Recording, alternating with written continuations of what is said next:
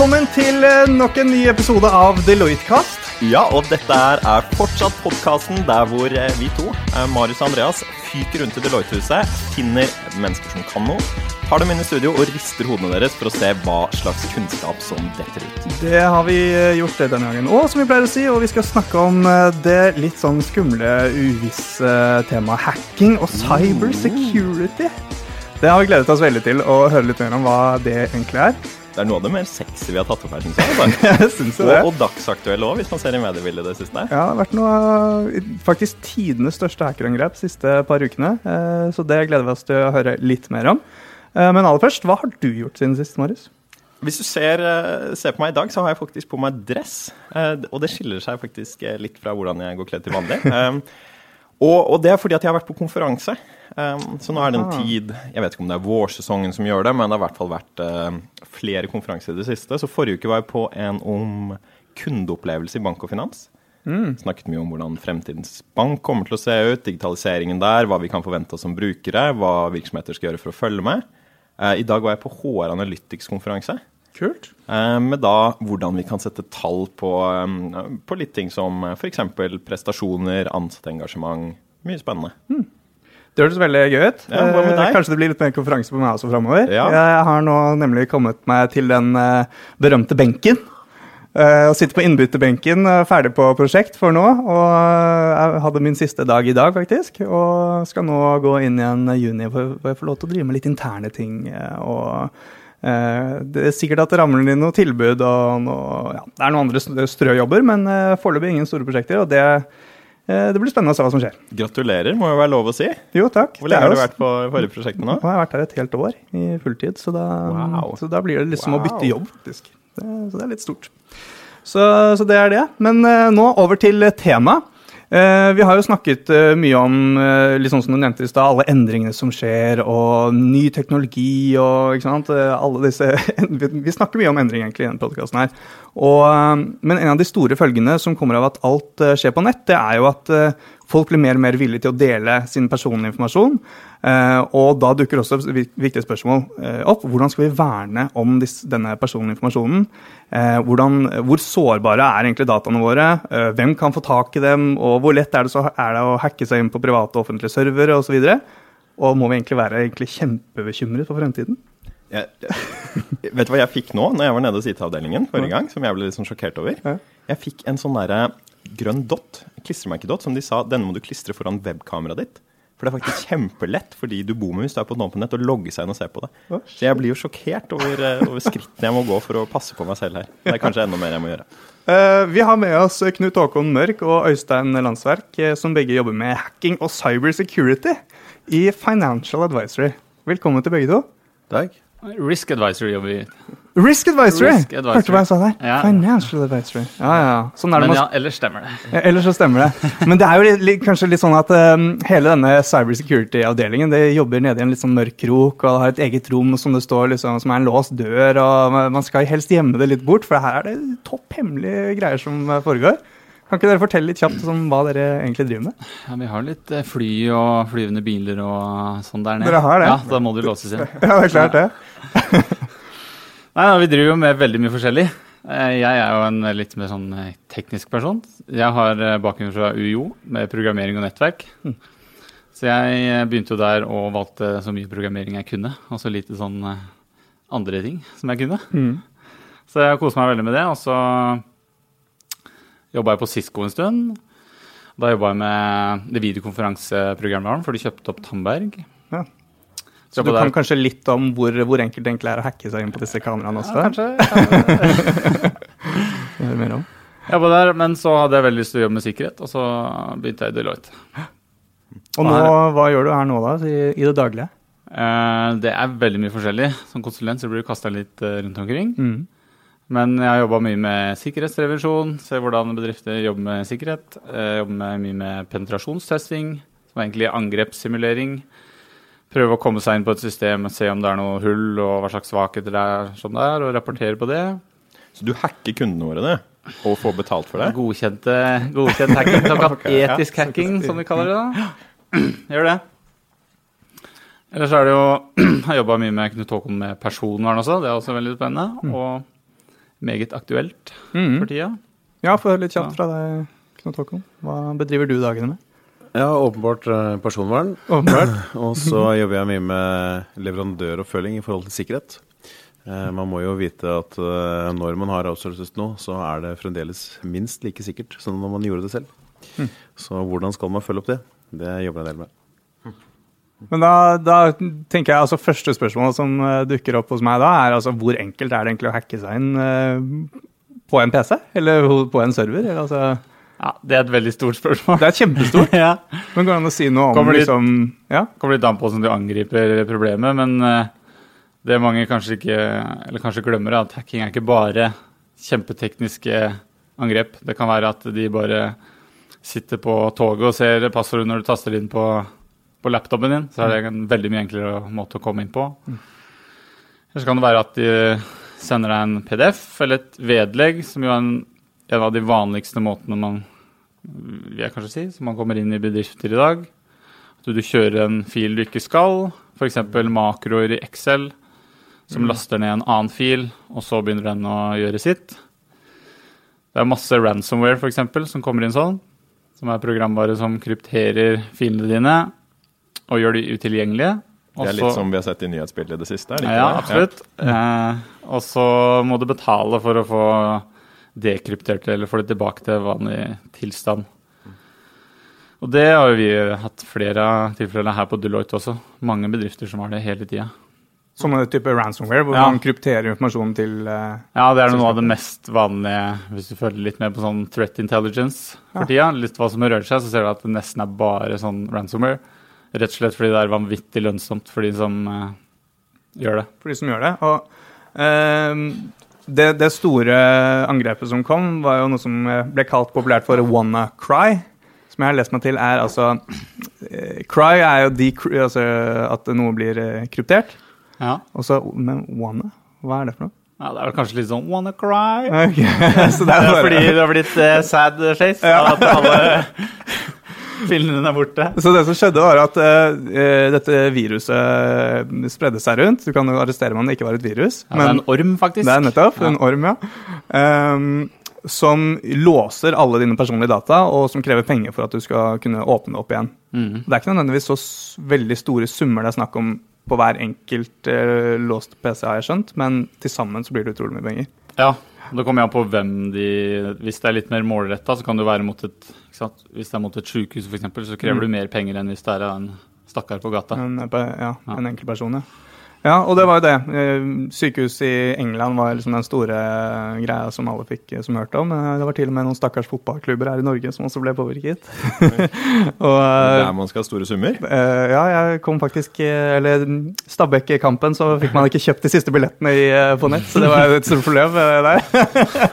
Men eh, Men Treffer sånn mange hverdager. det treffer mange. hvordan er det dette her kan skje? For jeg tenker De som lager datasystemer, bør jo ha litt sånn peiling og sånn. Hva er det som egentlig gjør at en, en hacker kan, kan lure seg inn og skape forsider verden over og, og lure seg inn til så mye penger?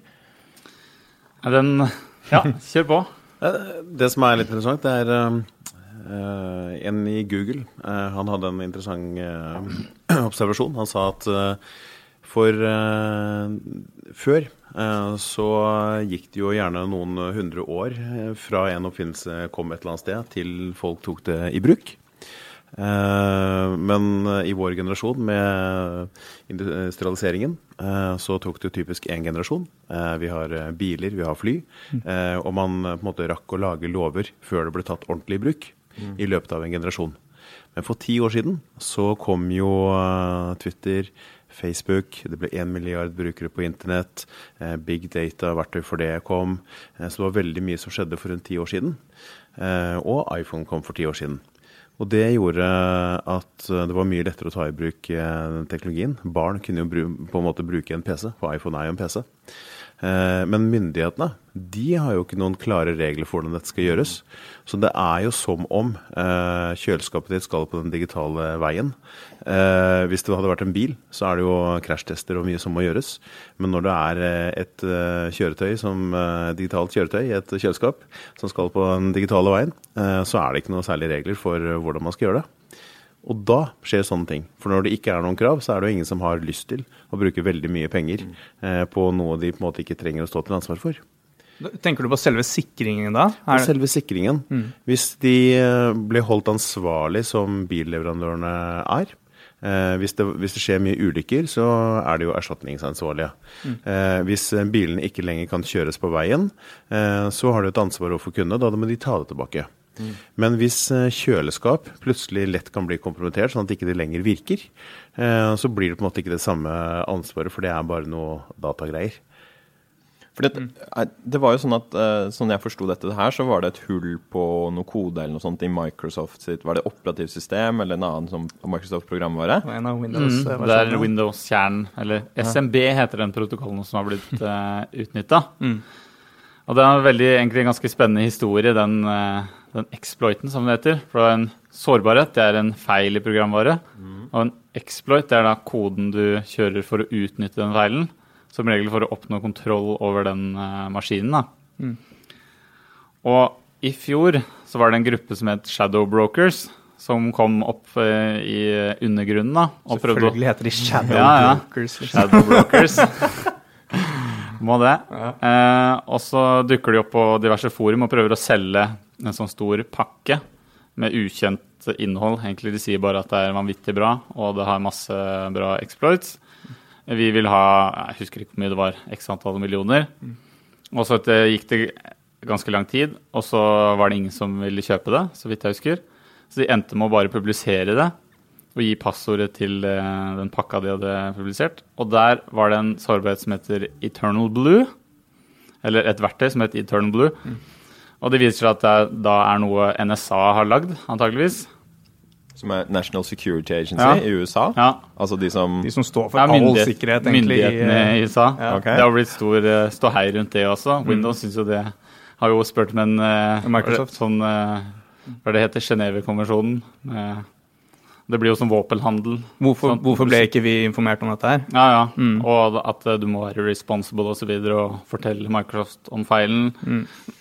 Eller skal du sitte på de fordi du må gjøre jobben din som en sikkerhetsmyndighet? Det er også en veldig interessant problemstilling. Ja. så, så her har da altså NSA i USA visst om et hull i koden eh, til, eh, til et Windows-programvare, og ikke sagt fra om det til noen. Og så har noen klart å utnytte seg av denne koden, og da stenger ned filer på masse selskaper og stjeler masse penger med det. Er det Ja. det som har foregått? Ja, sånn cirka. Ja. Og, og hvem er det man da holder ansvarlig her, når man snakker om det? Snakker man at Windows er ansvarlig for det? Litt som du snakket om, Knut Håkon, at de har lagd bilen, så de burde også ha testet den. Microsoft har lagd bilen. Microsoft, Windows lager bilen. biler. Um, eller, er- eller er det NSA man skylder på her? Det er jo en stor diskusjon. Hvem er det som egentlig sitter på ansvaret? Det er jo kanskje litt delt, veit ikke. Det er jo åpent for diskusjon. Det som har blitt diskutert en del, det er jo at øh, og som det er et godt eksempel også, det er jo at sikkerhet i dag det er jo ikke bare et teknisk problem. Det er et politisk problem.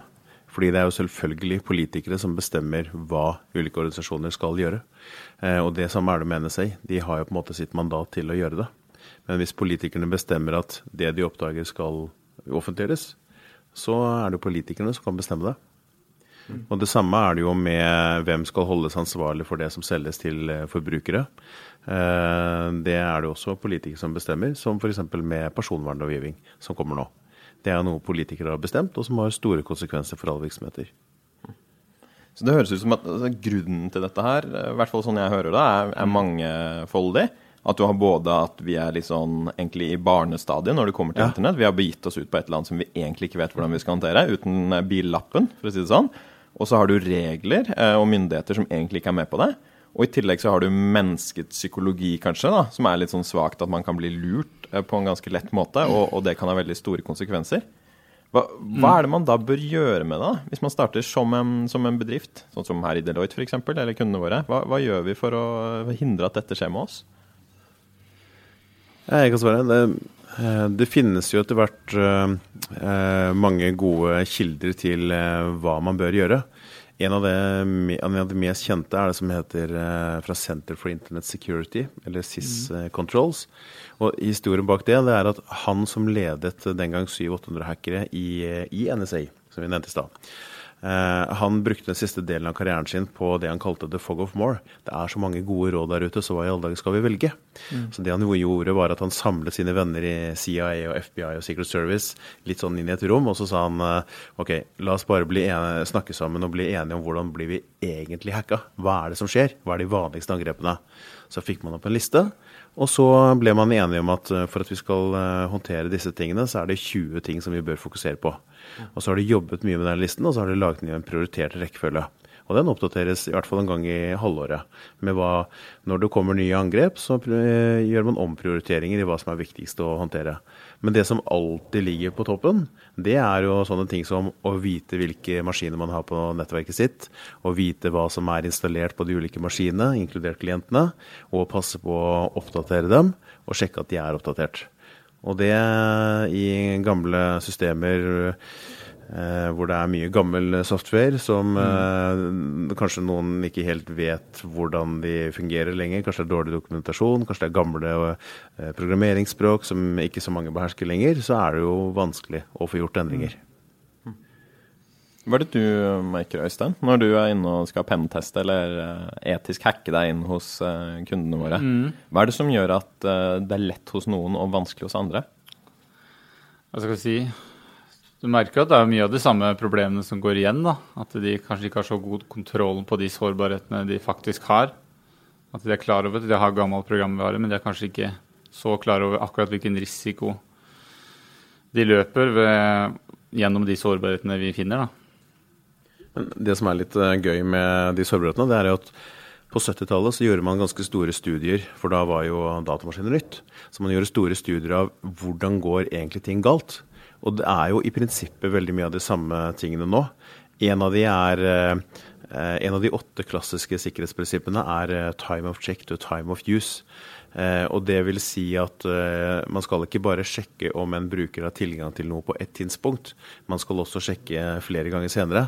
Mange av de feilene som har vært de siste årene, hvor folk kan eh, gå inn i f.eks. en nettbank, og så kan de skrive inn kontonummeret til en annen kunde. Eh, det er akkurat den feilen som man har visst om siden 70-tallet. At man først autentiserer seg, og så er man jo inne i systemet. Og så sier man at eh, jeg vil forresten gå og se på en annen eh, bankkonto. Men det bare skriver man i denne URL-en, som det heter, i nettleseren. Og så kommer man videre. Fordi man sjekker ikke hver eneste gang det kommer en forespørsel om å se på noe, om man faktisk fikk lov å se på det man eh, spør om. Og det er et sånt eksempel på at mye Man vet jo i prinsippet hva som ofte går galt. Men allikevel, fordi ting skal gå fort og ting er komplisert, så gjør man feil. Og da er man jo litt tilbake til det som eh, bl.a. The Economist eh, skrev om for et par nummer siden, at eh, kanskje man må ta det litt mer med ro. Og ha litt krav til det som kommer ut på internett. F.eks. å følge det man vet er god praksis når man utvikler, utvikler nye systemer. Det som er litt, jeg skal bare komme et lite innspill her. Det som er litt interessant, for, for jeg vet ikke, et halvt års tid siden eller noe, så var det en, en stor, eh, et botnett som er lagd som de kalte for Mirai. Eh, og den hadde Kan du uh, botnett? Ja, botnett. Jeg skal forklare det videre nå. Eh, men du kan egentlig tenke på det som en hær av maskiner. Det er et botnett. En bot er en, en som gjør det den blir fortalt, ut fra instruksjonene du sender til den, kan du si egentlig. Og så er det et nettverk av de. Og måten man oppretter et sånt på, er jo å utnytte mange maskiner. Og så på en måte joiner de et felles eh, domene eller command-struktur, hva jeg skal kalle det. Og så kan man be alle de, hele den gruppa gjøre noe. Så da kan man liksom angripe fra hele verden samtidig, bare ved å trykke én knapp, liksom, Ja. og så bare angripe Ja, millioner eller tusenvis, i hvert fall. Men det som jo er trikset, er hvordan skal du på en måte rekruttere alle de maskinene. Og det den Mirai-programvaren gjorde, det var egentlig bare å prøve å koble seg til en port, eller en protokoll, som heter Telnet, som er port 23. For de spesielt, for de spesielt For de som prøver prøve dette hjemme. Over TCP. port 23 etterpå. altså, Ja. Går rett inn på 23 her. Ja. Bare. Eh, og det er egentlig en veldig utdatert, en utdatert protokoll for å administrere et system. For å logge seg på, for den er ikke kryptert. Nettopp. Så det vil si at hvis du er på samme nettverk uh, og kan overvåke trafikken til noen som bruker Telnet inn mot en maskin, så kan du se passordet og brukernavnet når de kobler seg på. Da ser du det i klartekst, liksom? Ja. kan, det verktøyet som gir deg trafikken, kan vise Ja. deg det. Ja. Men så det den Mirai-programvaren gjorde, det var jo bare å prøve å koble seg til Den søkte etter maskinen på internett med den porten åpen. Og så testa han eh, et lite antall standardpassord. Og så Og så så den hva den fikk til, på en måte. Mm. Og så Sånn 1, 2, 3, ABC ja, og sånn sånn, admin, admin, root, root, test, test, Ja. demo, demo, admin, password. sånne, sånne veldig enkle ting. Mm. Og så når den da kom inn på et system, så ba han den gjøre det nest videre. måte. Og da endte det med å få jeg vet ikke, jeg vet, Det er mange millioner, da. Jeg husker ikke akkurat hvor mange, men sikkert fem millioner tatt helt ut av lufta. Men eh, nei, det var mye mer. Var det ikke sånn 100 millioner eller noe? Jeg tror faktisk det var det. Jeg tror faktisk det var det. Eh, og det de gjorde i etterkant da, var at du kan gjøre et sånt tjenestenektangrep. Og du kan tenke deg hvis 100 millioner enheter prøver å gå inn på DNB sin eh, startside samtidig, Mm. så greier ikke den å håndtere all den trafikken. Da krasjer den hele Ja. systemet. Er det da vi får det som heter sånn DDoS-angrep? Ja, det er distributed denial of service. Nettopp at det, det kommer ikke fra én node, men det kommer fra masse maskiner på en gang. Det er distribuert over mange maskiner. Så da har du egentlig ikke noe sjans da, hvis du blir angrepet sånn. Da hjelper det ikke at du har alle brannmurer tette og alt mulig sånn, for det er ingen som lurer seg inn. De bare på vanlig måte Ja, det er jo sånn når du- til siden din. Ja, ja. Når de skal gå på bussen, på en måte. Om du har en kjempesikker buss. Så hvis det er én million mennesker som skal på den bussen samtidig, og ingen av de én millionen eh, skal nå egentlig på den bussen, Nei. og så er det to stakkar som prøver å komme seg inn, Da kommer ingen inn. så, så får du ikke Får ikke ruter jobben sin. Men det er jo også et utrolig godt eksempel på ting vi har visst om siden 70-tallet. Ja, ja. Hvem er det som gir produkter ut som har brukernavn og passord admin, admin, admin? ja. Eh, hvem er det som eh, gir en hjemmeruter til bredbåndsabonnentene sine eh, som ikke har en brannmur som, som gjør at man stenger for den type trafikk utenifra? Mm. Så det er jo ting som egentlig eh, ansvarlige leverandører burde jo gjort det på en annen måte. For det kan man egentlig, hvis man vil gjøre ting litt billig som produsent, så kan man Ja. lage en ruter som ikke har noe sikring eller noen ting, og så Ja, ja. gi det ut. Og så er det ingen som sier nei, det får du ikke lov til. Det er derfor man har det hadde, og har ennå, det prinsippet secure by default. Ja. Egentlig så skal ting være skrudd av når du får det, og så kan du åpne opp etter hvert. Men for å gjøre det brukervennlig, så sørger man jo for at eh, alle kan gjøre alt med en gang. Så det er som at du får bilen din uten sikkerhetsseler og uh, kollisjonsputer, da, for at det er litt mer convenient. Ja, ja. Så Sånn er det jo. Det er lettere å sette seg inn og ut. Ja. Men når eh, ting blir kompromittert og ingenting virker lenger, så er det ikke så brukervennlig allikevel. Nei. Men sånn, eh, sånn for deres del, eller som personer, eller for mannen i gata, um, hva, hva er det vi kan gjøre for å, for å sørge for at ingenting skjer med oss? Jeg har jo hatt den der dotten nå som jeg satt på webkameraet mitt. Jeg vet ikke om, det, om jeg har gode grunner til å gjøre det, men er det, er det andre ting som jeg også burde gjøre for å beskytte meg? Ja, hva skal jeg si? Jeg har også klistra den på webkameraet mitt. Du også Ja, det? ja, Hvis du har gjort det. Ja, ja. ja. Ja, men det er jo det fordi Det kan jeg vise til dere en gang, men Ja. hvis du kommer deg inn på en sånn maskin, f.eks. må du bruke den sårbarheten som de brukte med WannaCry for å komme seg inn på maskina, så kan du enkelt bare overvåke video eller webcamet ditt Mm. eller mikrofonen. Og du ser ingenting i operativsystemet som tilsier at det er aktivert. Det lyser ikke grønt. Det kan hende, men det kan hende lyser grønt. Ok. Men eh, ja, Så det er skummelt. Så det er liksom punkt én på lista. Putt sånn greie om Ellers er det jo det Nummer én er jo å ha gode passord. ja. Det er veldig viktig. Og så ha lange og, og gode passord. Hvorfor er, det, liksom- hvorfor er det viktig, egentlig? Er det, har det så mye å si? Nå er det liksom, ja, nå skal vi oppdatere sikkerheten fra åtte til ti tegn. Altså, Hvor viktig er de to tegnene, liksom? Ja, det har ganske mye å si. Og jeg syns jo egentlig at eh, industristandarden er jo egentlig åtte, minimum åtte characters, men jeg syns jo det er lite, Ja. egentlig. Det burde egentlig vært mye mer, for det er du Det er kanskje Det krever ganske mye ressurser hvis du skal cracke et åtte et passord med åtte tegn. Hvis du tenker på alle mulighetene. Men det trenger du aldri gjøre, fordi folk velger ikke eh, det maks kompliserte, ikke sant. Nei. De velger hytte 1, 2, 3 eller vinter 2017 eller noe sånt. Mm. Nå er det mer enn åtte, da, men Men altså, forskjellen er jo hvis du um, gjorde en test en gang, hvis du har uh, Eller en teoretisk test.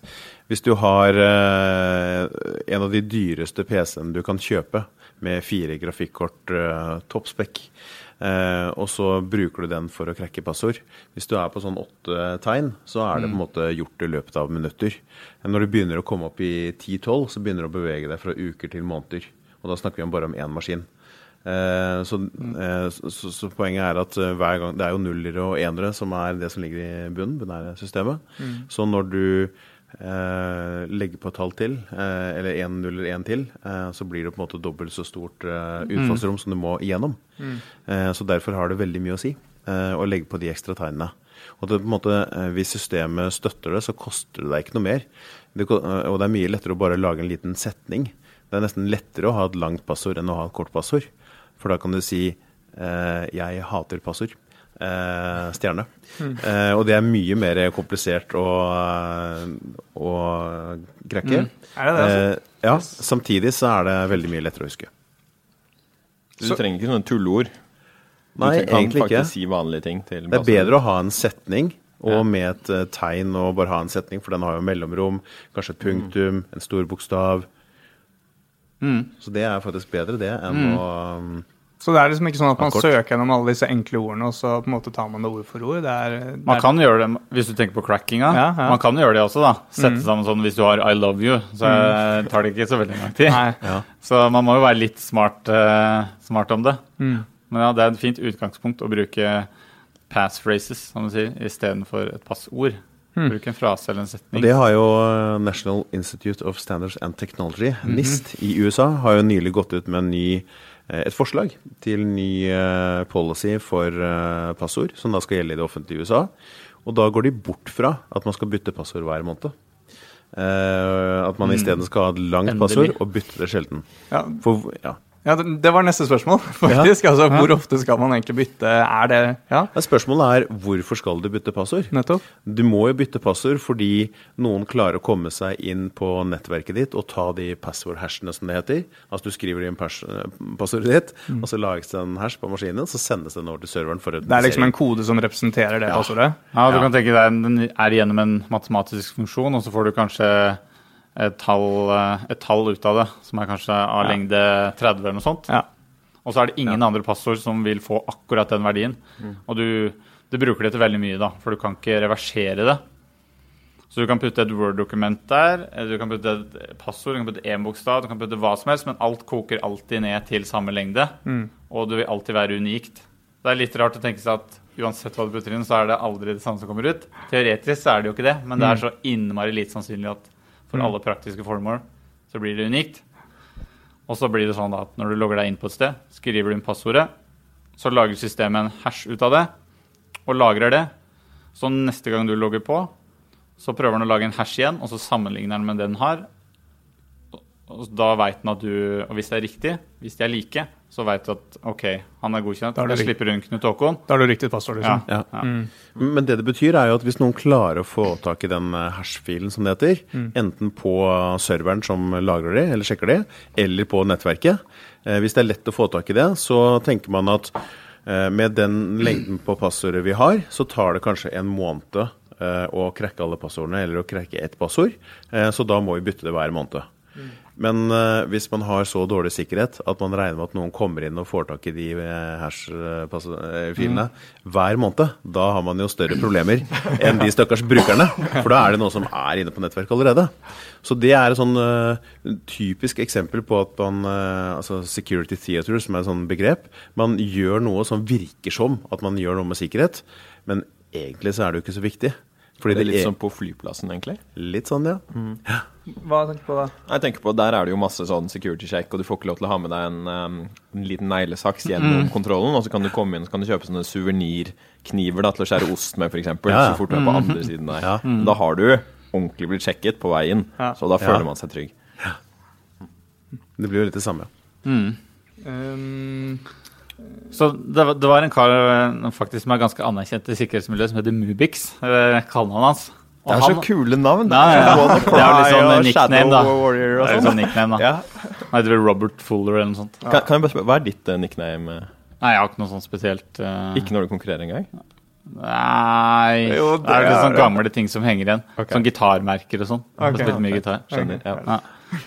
Men han han, eh, han har funnet fram til sånn nytt sånn magic number, som man kaller det. Liksom sånn uh, grense. Og han foreslo 28 tegn. Fordi det er ingen av de passordverktøyene som støtter så lange passord. Aha. Snakk om å gjøre det vanskelig for de som skal prøve det. For da må de lage sitt eget verktøy eller kompilere det, ja, liksom utvikle det videre for å håndtere det. Så det er en liten historie nesten, da, som du må klare å huske på. Hvis Ja, du skal... ja, ja. Så hvis du har eh, 28 tegn, så kan du på en måte være ganske trygg. For eh, om noen får tak i hersene dine, så skal det veldig godt gjøres at de greier å, å finne tilbake til Men da er det jo bare å komme seg inn i lokalet og se på alle de Post-It-ene hvor folk må skrive Ja, ja. ned de historiene her. Det er også det, en annen ting som man kaller OPSEC, eller Operational Security. Ja. Det med shoulder surfing og når man går inn i bygget, at ikke noen skal gå rett bak deg mens du har åpna døra. Når du trykker inn koden. Ja, og liksom og sånne alt ting. det der. Og, ja.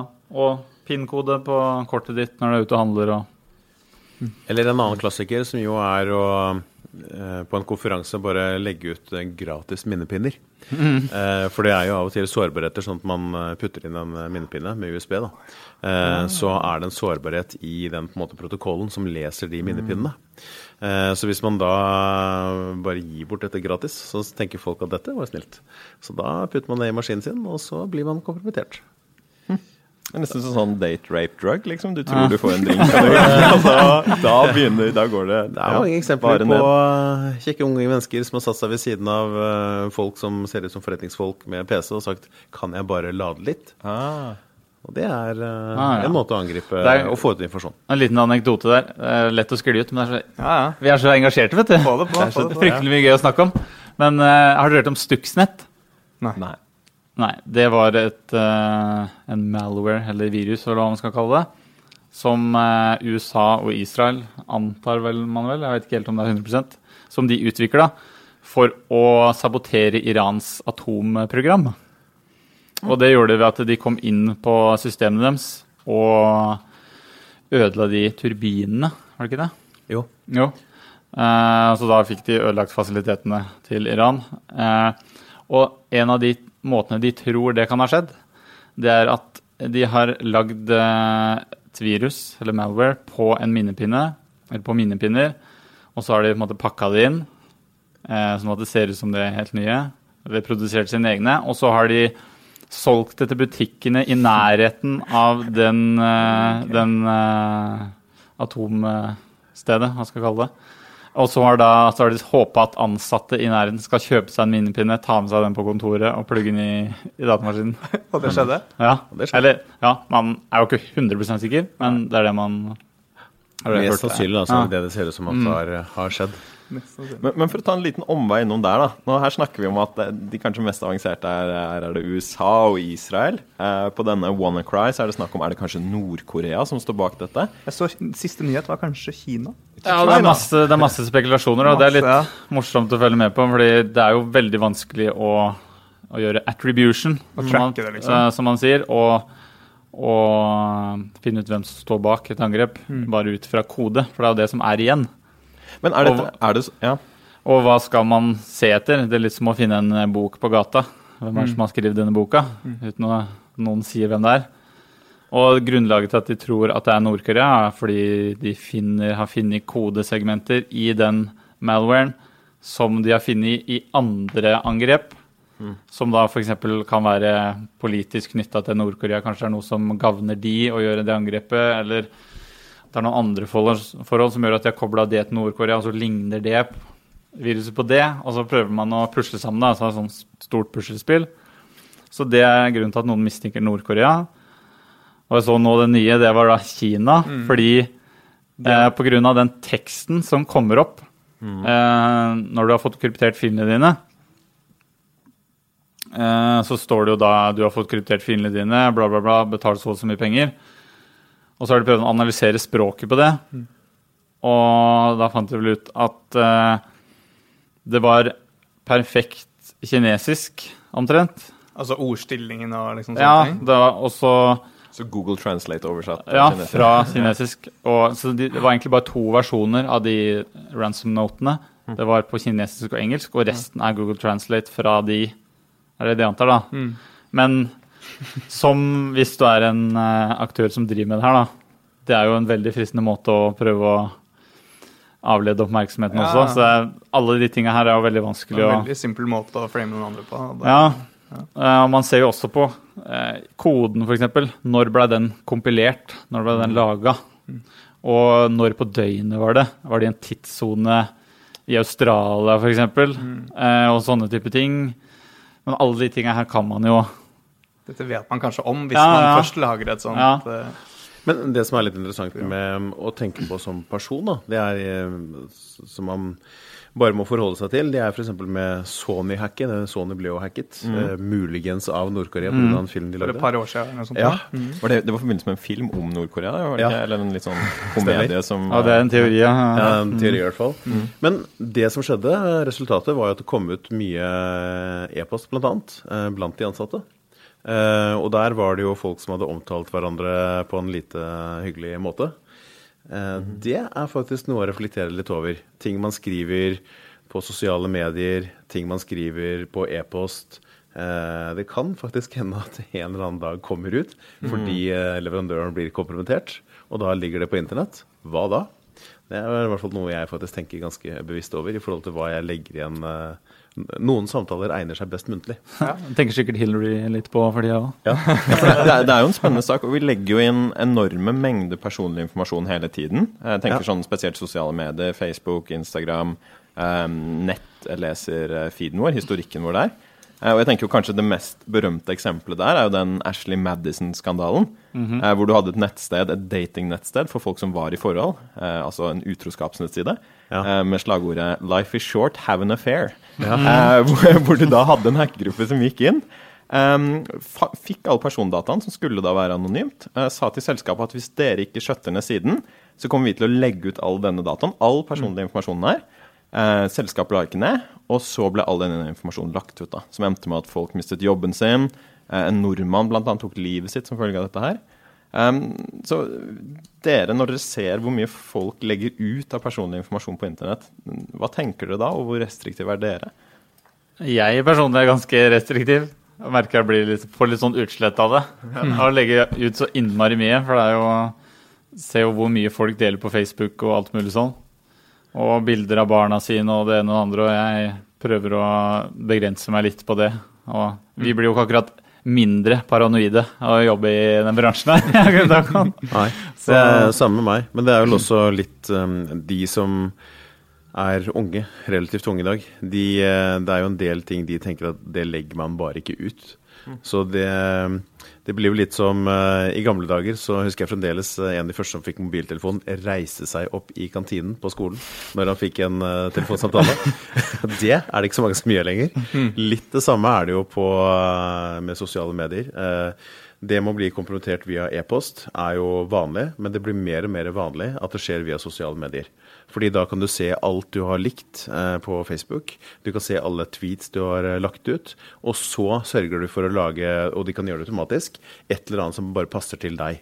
Hvis de ser du er opptatt av et eh, fotballag, så sender de deg billige billetter til en kamp.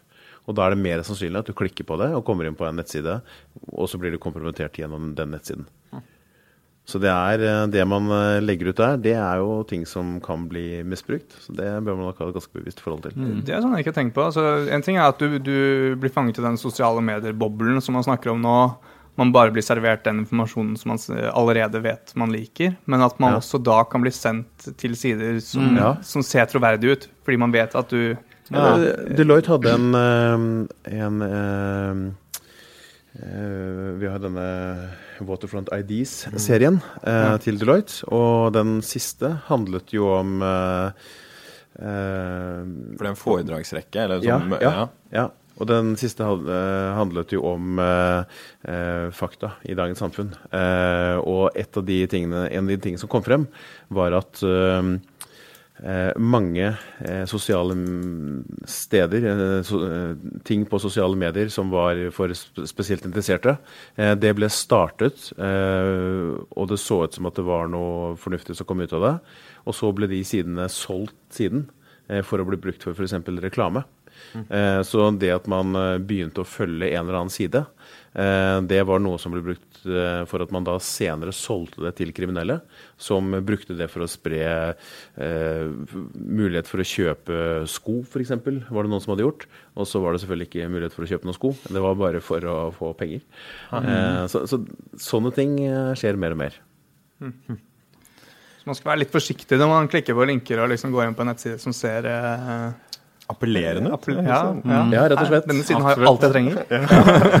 It's too good to be true. Det som også er en annen ting, er at eh, de kan også kompromittere deg bare ved annonser.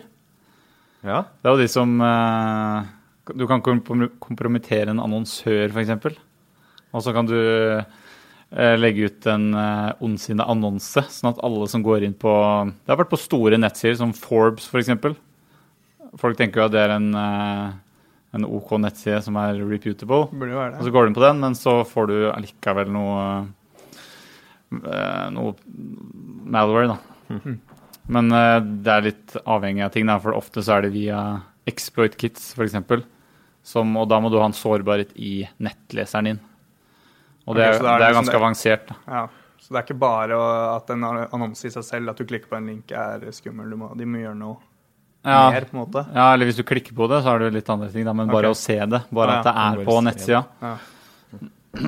Men for å bevege oss litt videre på dette personvern-debatten, da. For her er det jo et spor som vi legger igjen eh, selv på internettet. Men eh, i de siste årene så har det vært flere varslere, sånn som f.eks. Edward Snowden, eh, som da har gått ut og kritisert hvordan myndigheter eh, både fanger og samler og bruker sånne her persondata.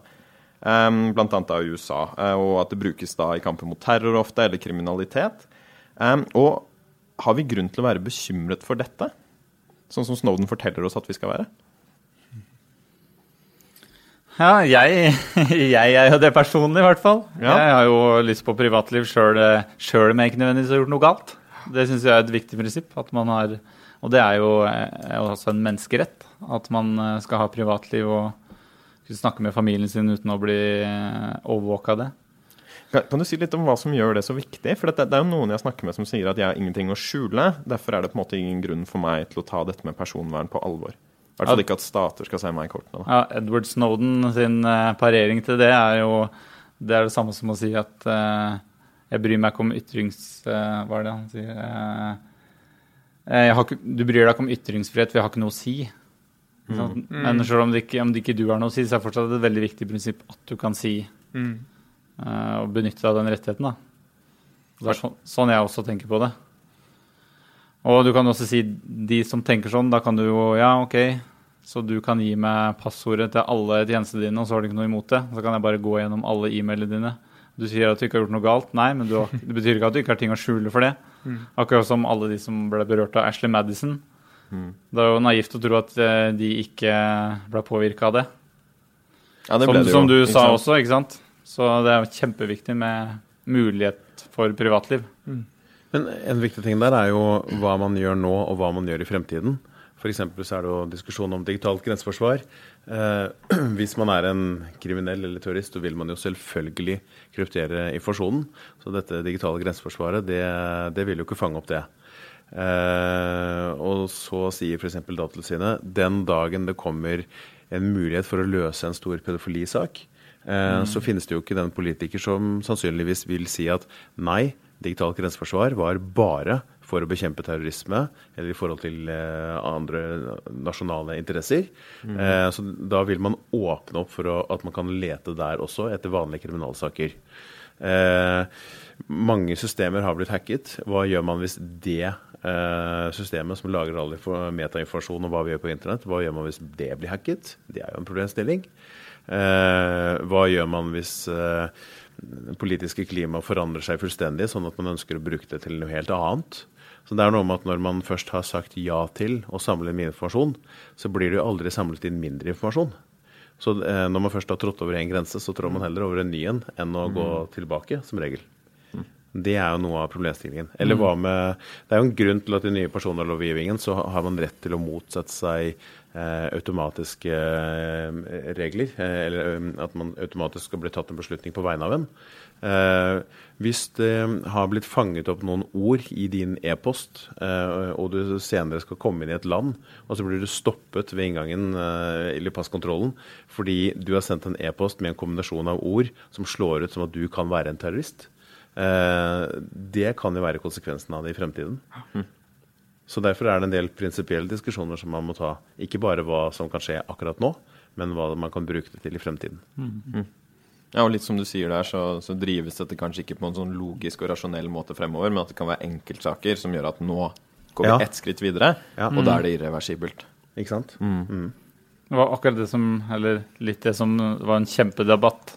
Det med at NSA og alt etter de Snowden-avsløringene, så snakker de om det om going dark. ikke sant? At de ikke får, de ser, har ikke innsyn i trafikk lenger, fordi alt blir kryptert. Og det dukka jo opp når det var den San Bernardino-hendelsen. Eh, hvor det var en kar som skøyt eh, 25 stykker eller noe sånt. Skjøt og drepte.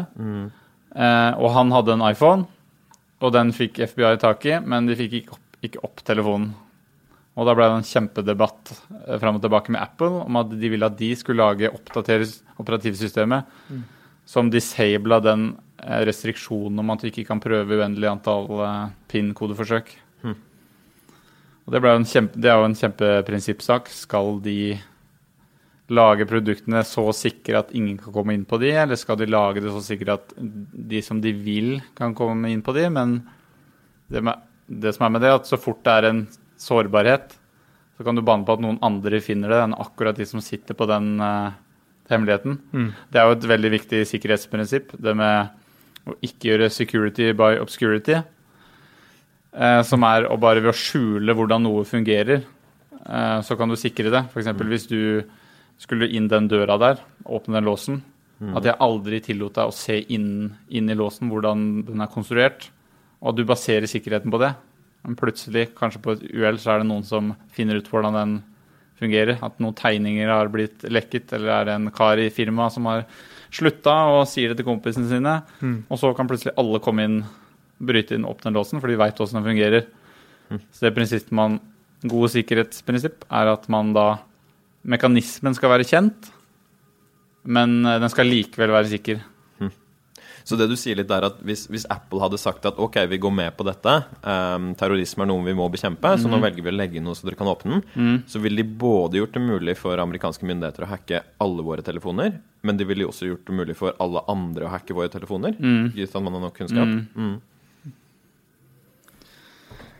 Jeg tror egentlig vi er nødt til å runde av litt her. Jeg begynner å slippe opp for tid. Det, var, eh, det gikk veldig kjapt. Vi var på randen til å bli konspirasjonsteoretiker ja. på slutten av. Det hadde jo vært en deilig episode nummer to. Ja, det var en Fin oppfølging å begynne å snakke om Ja, ja. litt sånne ting. Ja, men Veldig spennende. Og jeg har i hvert fall lært at jeg skal lage nye passord med setninger.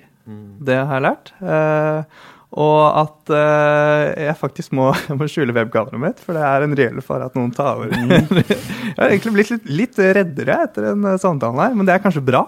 Så man tar litt Man må i hvert fall være skeptisk og litt kritisk til det som skjer rundt seg, og ikke bruke alle tjenestene som man blir tilbudt, helt ukritisk. Det syns jeg er viktig. Jeg tror vi er, vi er rett og slett kommet til det punktet hvor forbrukere og myndigheter eh, prøver å ta litt kontrollen tilbake over teknologiutviklingen. Og det høres ut som noe som trengs, litt som du snakket om, Em, at dette er et, et litt sånn eh, At vi er litt spedbarn da ute på dette internettet, og også det du snakket om at det er de samme tingene som vi slet med på 80-tallet, som fortsatt går igjen. Så det å ta dette her på større grad i alvor, det høres ut som det er gode grunner til. Så da kjører vi en appell til politikerne her i landet og der ute i det store internasjonale. Gjør noe med dette her og sette ned noen regler for hvordan eh, vi skal sikre oss mot disse forferdelige hackerne. Absolutt. Tusen takk for at dere kom. Takk for at vi kom. med. Veldig gøy. Takk for det. Ja, og vi skal jo eh, runde av også. Det skal vi. Og eh, vi må jo bare minne om det at eh, hvis dere likte dagens episode, eh, så må dere jo bare dele den med noen venner og kjente, og eh, spre det rundt da, eh, på disse skumle sosiale mediene. Og så kan du også, hvis eh, Men ikke trykk på en link hvis du ikke er sikker på at du har fått den av en god venn som du kjenner eller en foresatt. eller noe sånt. Nei, jeg tror podkasten vår er trygg. I hvert fall hvis den deles av Deloitte sine sider. Ja. Take care. Og, og også kan du skanne en e-post til oss. Husk å ikke ha innhold som du ikke kan stå inne for der, men du kan sende den allikevel til podcast at deloitte.no hvis du ønsker å ha temaer, eller hvis du har spørsmål til oss, eller bare ønsker å legge igjen en melding. Ris og ros, det tar vi. Det liker vi. Ja, Begge det deler. er bra. Ok, eh, da ønsker vi alle dere der ute en herlig dag hvor enn dere er. Eller natt. Eh, En sikker, en sikker dag. en sikker dag videre. Vi høres. Takk for det.